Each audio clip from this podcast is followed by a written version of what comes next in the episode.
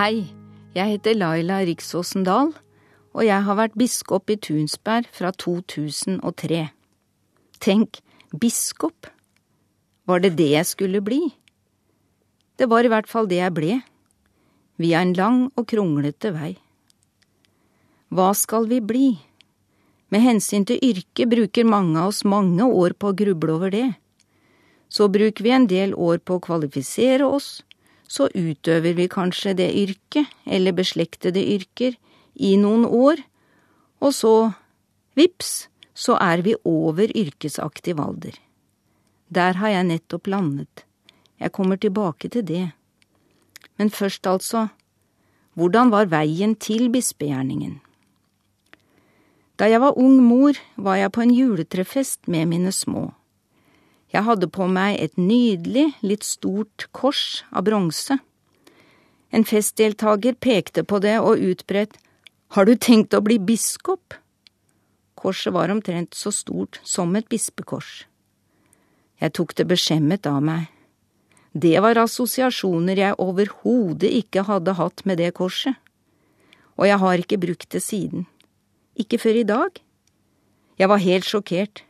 Biskop! Noe så fjernt! Jeg som var adjunkt i ungdomsskolen med realfag og kristendom i fagkretsen.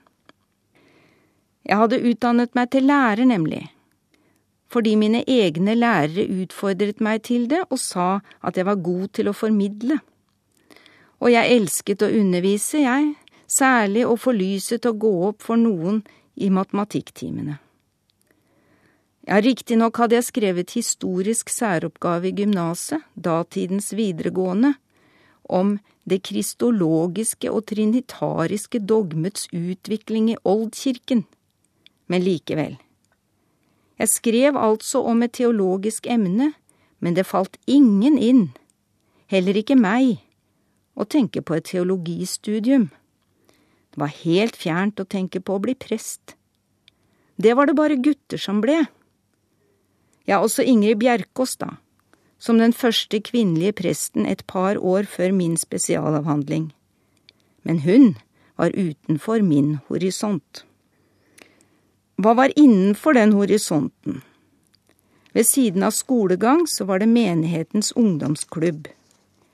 Jeg kom ikke fra det som den gangen ble oppfattet som et kristent hjem, men det var nok mye skjult kristendom hjemme.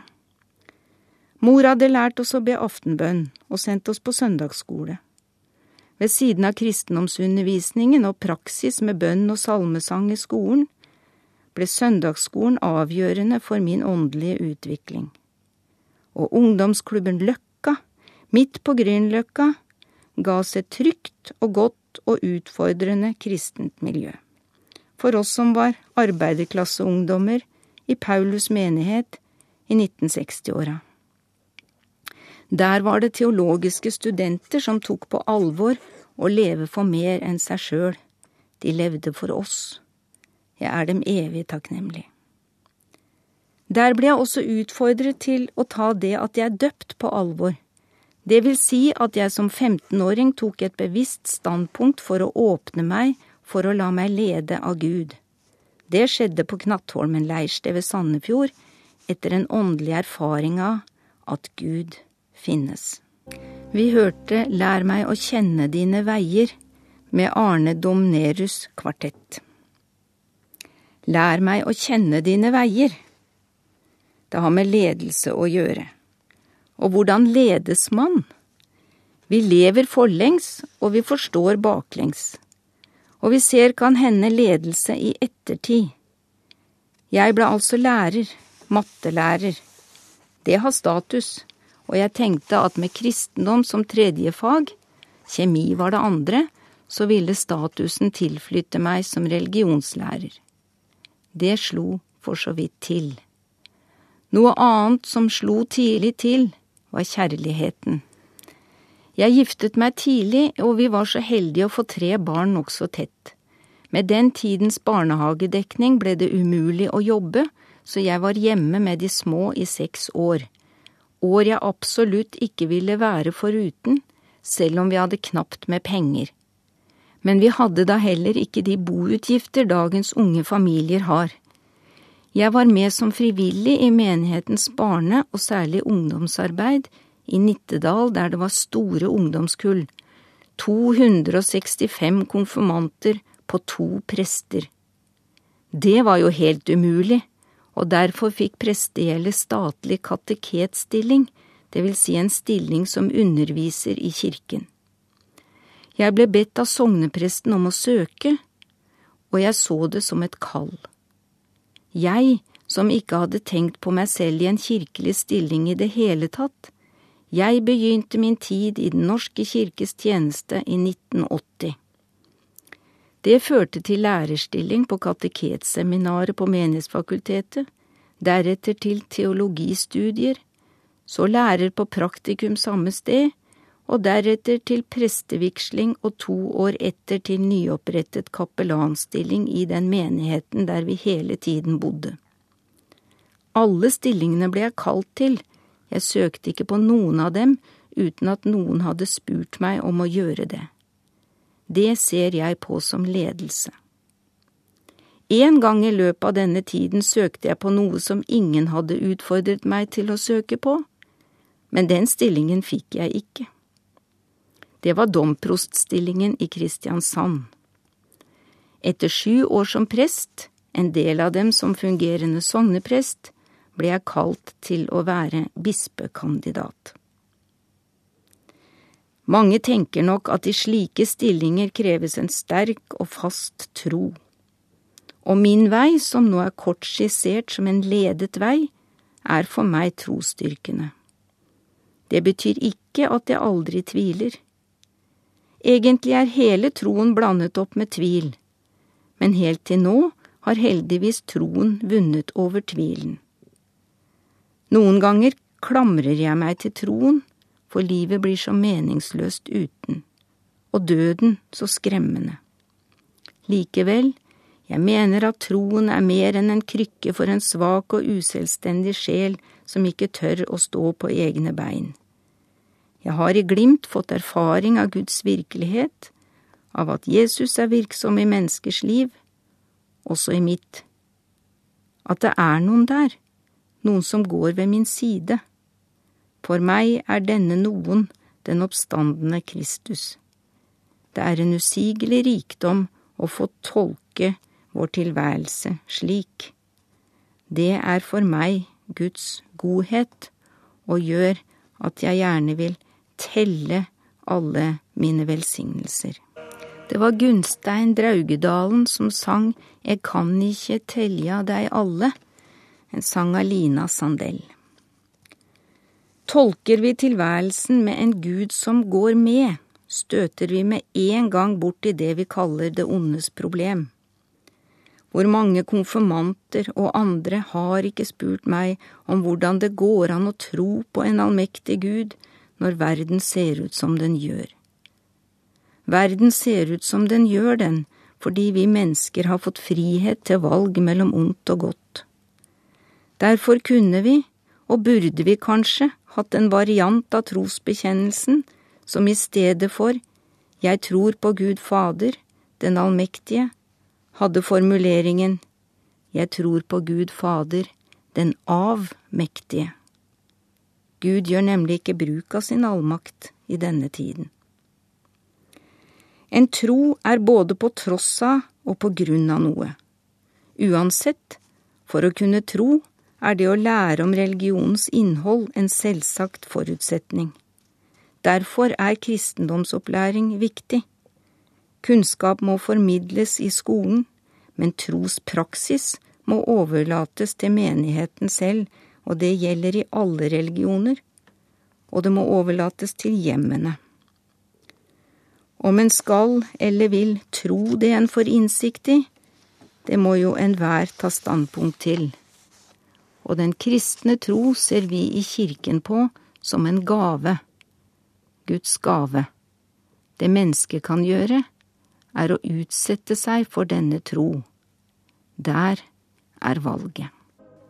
Amazing Grace ble framført av norske kammersangere.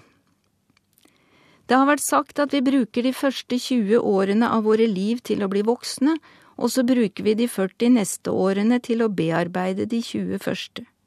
Sikkert er det i alle fall at barndommen er avgjørende, og det hjemmet vi har vokst opp i preger oss på en helt grunnleggende måte. Enda alle foreldre og foresatte ønsker det beste for sine barn, så får de fleste av oss noe å slite med. Det sier vel litt om vår ufullkommenhet. Hjemme hos oss har vi et såkalt anegalleri, bilder av forfedrene bakover så langt vi har bilder av dem. Min slekt på morssiden trenger ikke mye veggplass. Det stopper før morfar. Han har bare et navn. Slik er det for meg.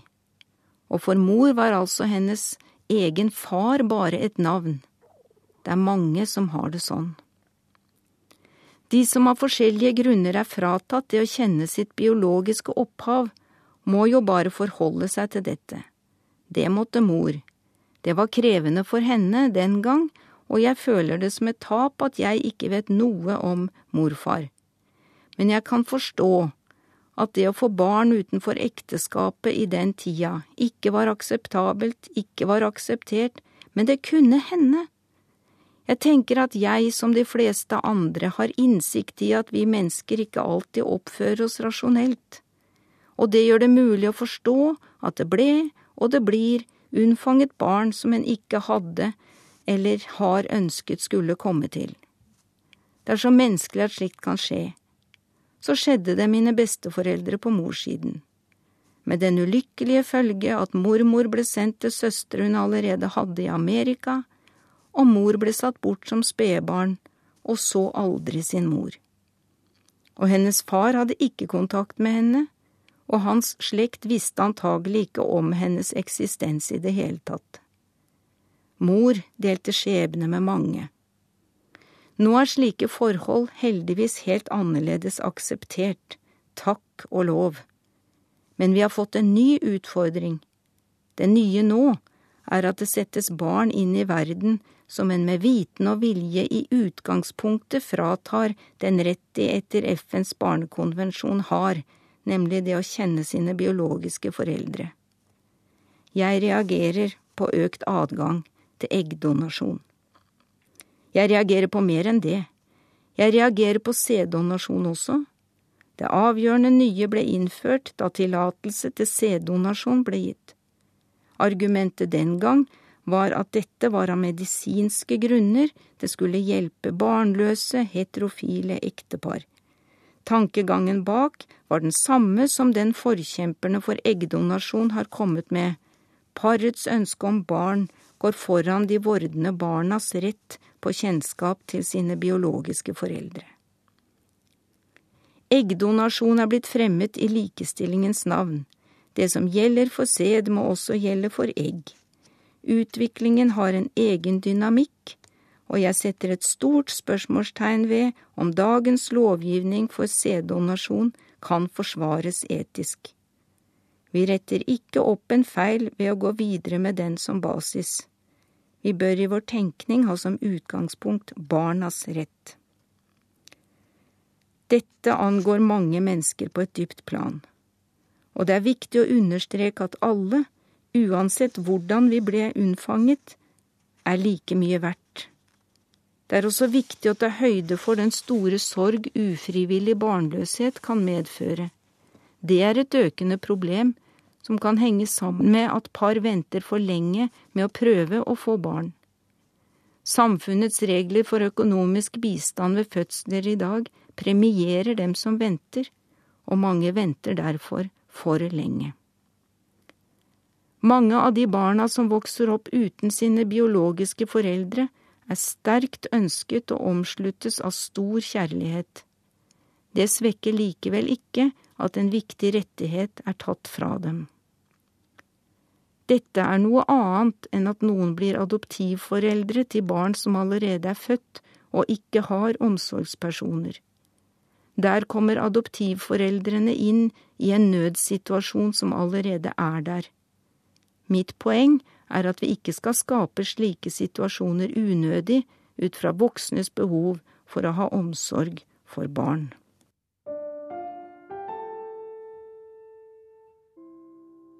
Solveig Kringlebotn framførte Elsk fra Haugtussa av Arne Garborg.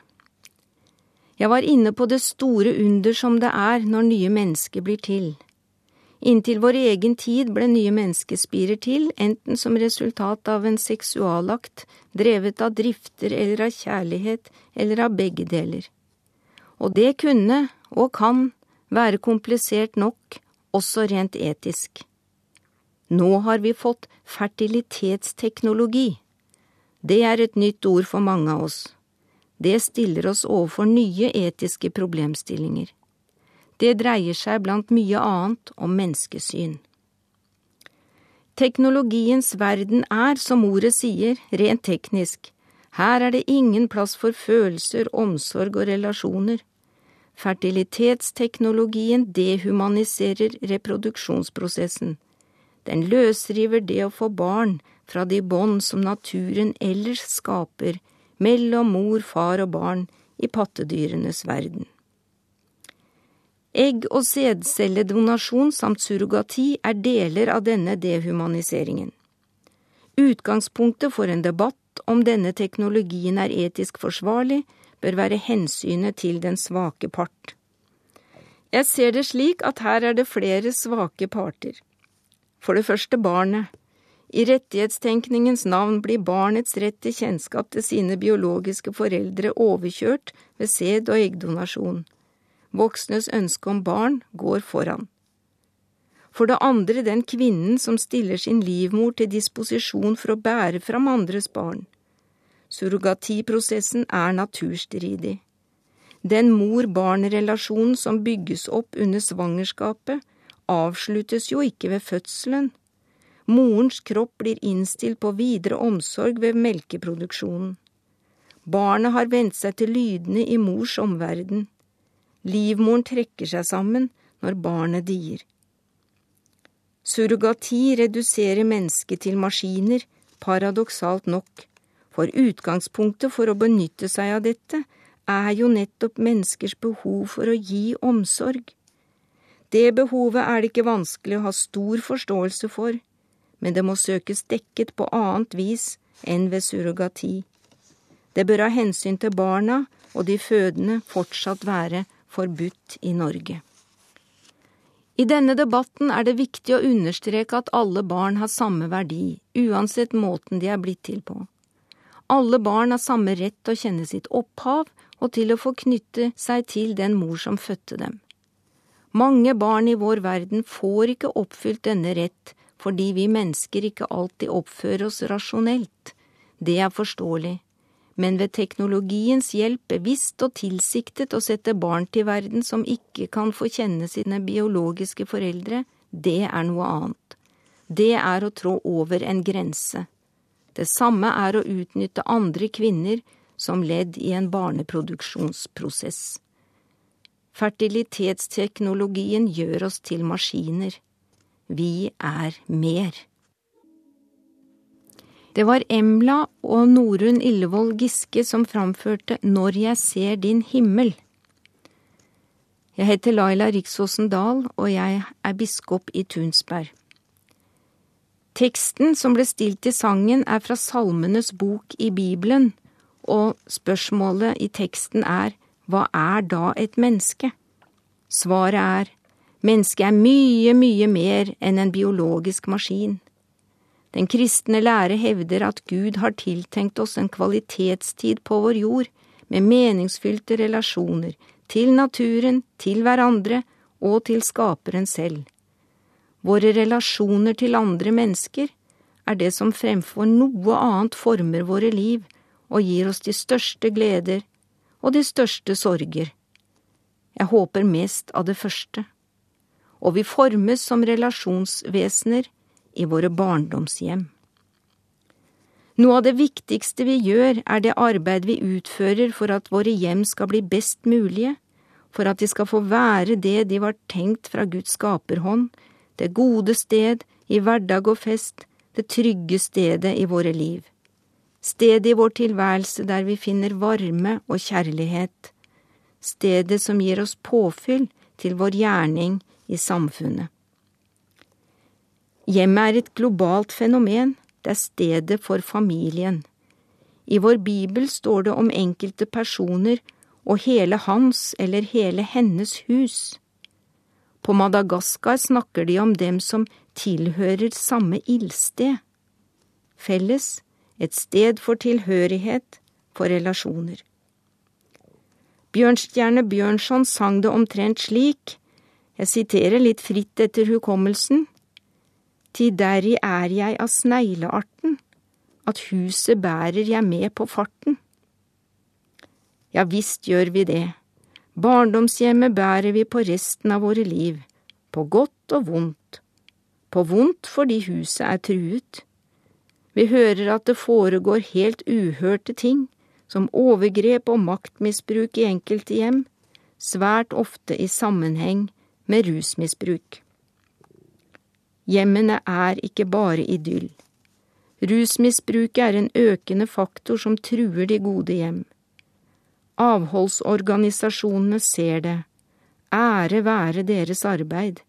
Det er ikke av ny dato. På slutten av sekstitallet, da jeg gikk i folkeskolens avgangsklasse, sjuende klasse den gang, utlyste en avholdsorganisasjon en stilkonkurranse som omhandlet alkoholproblematikk. Oppgaven handlet om hvilke goder som familien til en alkoholmisbruker går glipp av. Flere i min klasse, deriblant jeg, leverte. Ingen av oss vant. Tilbakemeldingen til oss var vi hadde beskrevet de onder som en slik familie led under, istedenfor de goder for dem som går tapt. Akk ja, men hva om vi ikke hadde erfaring med de godene, men nettopp med det vanskelige? Ikke så lett å svare på det oppgaven spurte om da. Er alkoholbruk en sak for en biskop, eller for kirken? Tematikken var i hvert fall en sak på kirkemøtet allerede for 20 år siden, med tittelen Alkohol som samfunnsproblem. Og denne tittelen er typisk for saken Problemet prosjiseres ut på noen andre, her på samfunnet. Likevel, kirkemøtet tok det altså opp. I komiteens merknader står det blant annet Lidelsene for familiemedlemmer og pårørende har vist seg å være langt mer omfattende enn tidligere antatt. Så utenfra sagt. Antatt av hvem? Tydeligvis av noen andre nemlig av dem som ikke er direkte berørt. De berørte har alltid visst om lidelsenes omfang. Kirkens folk har stort sett regnet seg som ikke berørt. Det har nok i store trekk vært riktig på grunn av kirkefolks restriktive alkoholbruk.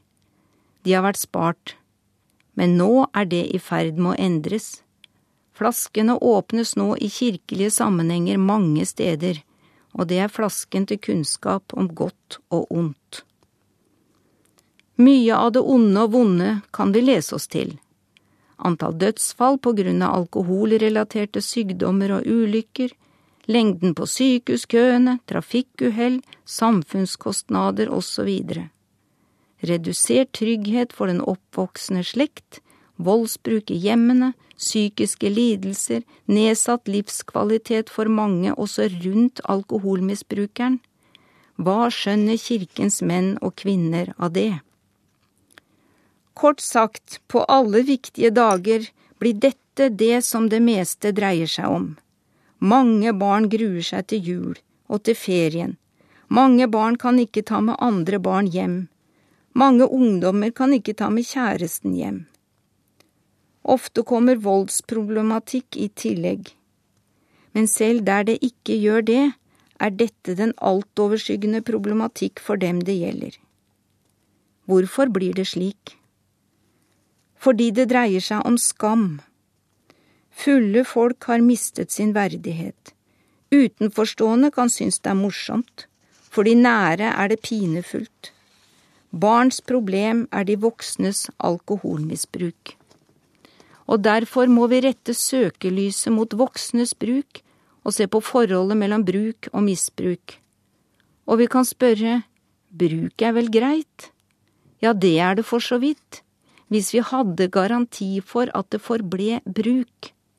Statistikken viser at 10% av brukerne utvikler et misbruk. Hvorfor er det mange teorier om. Det kan ligge i genene en disposisjon for å utvikle alkoholavhengighet. Det er så lett for oss å tenke at dette angår andre og ikke meg, og det kan være en farlig illusjon. Jeg tenker at det å kunne komme til å utvikle et alkoholproblem, det kan gjelde meg, og jeg akter ikke å teste ut om jeg er blant de ti prosent som er særlig utsatt. Til det er prisen for høy. Så jeg sier nei og blir karakterisert som moralist, som festbremser, som en som ikke har skjønt at kristendom ikke først og fremst er en du skal ikke-religion. Det får våge seg. Jeg har skjønt at jeg trengs som motkultur. Det fins snart ikke et sted med festlig samvær uten at det drikkes alkohol. Min erfaring er at kristne er verre enn andre. Til måteholdsfolket ønsker jeg å gi følgende signal. Jeg er glad for alle som ønsker å redusere alkoholforbruket, for alle som arbeider mot økt tilgjengelighet, og helst for å redusere tilgjengeligheten. Jeg regner med at vår felles drivkraft er hensyn til alle som lider under misbruk, de har fortjent at kirken framstår som en alkoholfri sone. Det vil jeg gjerne bidra til. Livet fortjener det. Livet er for rikt å leves sløvet eller dopet. Nei til rus er ja til livet, til det gode liv og de gode hjem, til våre medmennesker og til oss selv. Erik Bye sang Det lufter lørdagen av Einar Skjæråsen og slike hjem som skildres i den visa, ønsker vi for den oppvoksende slekt. Jeg tenker at vi alle ønsker alt godt for dem som kommer etter oss. Men legger vi til rette for det? Hvilke problemer har vi i vår tid skapt for dem? Vår arv til dem er blant annet de klimaendringene som vi allerede ser har begynt å gjøre seg gjeldende. Nå er det vel slik at hver tidsepoke har sine utfordringer og sin frykt for fremtiden. Vi har vår frykt, og den er grunnleggende og verdensomspennende. Nå står det om vårt livsgrunnlag og om vår klode fortsatt skal være det gode sted for mennesker. Jeg er redd vi først av alt gir de neste generasjonene uro for fremtiden. Mange av våre samtidige som lever under andre himmelstrøk opplever allerede nå det som gir oss og våre fremtidsangst.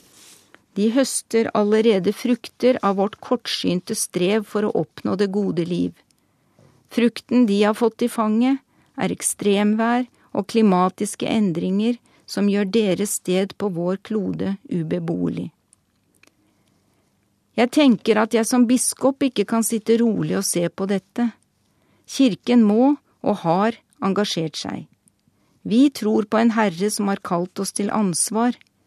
Han tegner en oppgjørets dag, der vår nestekjærlighet skal prøves.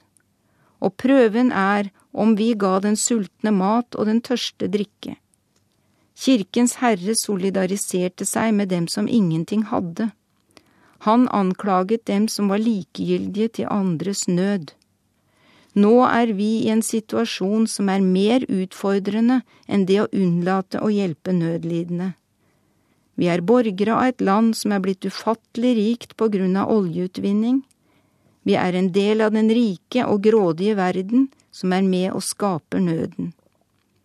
Vi har trodd at skaperverket var en utømmelig ressurs som vi kunne utnytte og utbytte.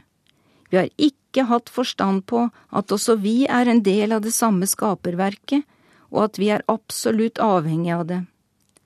Vi må rydde opp, i hvert fall må vi bremse den livsødeleggende utviklingen alt vi kan. Som kirke er vår oppgave å bidra til ansvarlige holdninger i vårt folk med hensyn til miljøpolitikken. Det vil gjøre det politisk mulig å fatte vedtak som vil oppleves ubehagelige fordi de på kort sikt vil koste. På lengre sikt kan endringer i vår livsstil vise seg å gi vilkår for bedre livskvalitet. Men det kan være vanskelig å se nå. Derfor vil nødvendige tiltak kunne være upopulære. Tiden roper på politisk mot. Politikere, dere kan regne med kirkens støtte i de tiltak som må til.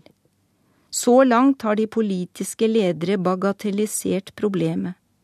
Det har ført til at vi vanlige folk heller ikke tror at det er så farlig, til tross for stadig nye forskningsrapporter som roper et varsko. Jeg forventer en helt annen handlekraft hos verdens politiske ledere enn det vi til nå har sett. Uansett hva som oppnås internasjonalt, må Norges politiske ledelse ta tak. Vi kan ikke sitte og vente på den globale enigheten som vi håper på. Situasjonen krever at noen går foran og viser vilje og evne til å gjennomføre energisparende tiltak. Vi må bruke vår rikdom til å utvikle alternative energikilder, og til å omdanne vårt samfunn slik at det ikke fortsetter å belaste vårt miljø. Norge har råd til det. Det er den beste måten å sikre fremtiden for våre barn på. Snart er det for sent. Nå har vi sjansen. Jeg håper vi kan si til våre barn at vi gjorde det vi kunne. Jeg håper at de får se at det nyttet. Politikere, gi fremtiden en mulighet, gi håp til dem som i dag rammes av klimaendringene, gi våre barn fremtidshåp. Det er tid for å vise lederskap.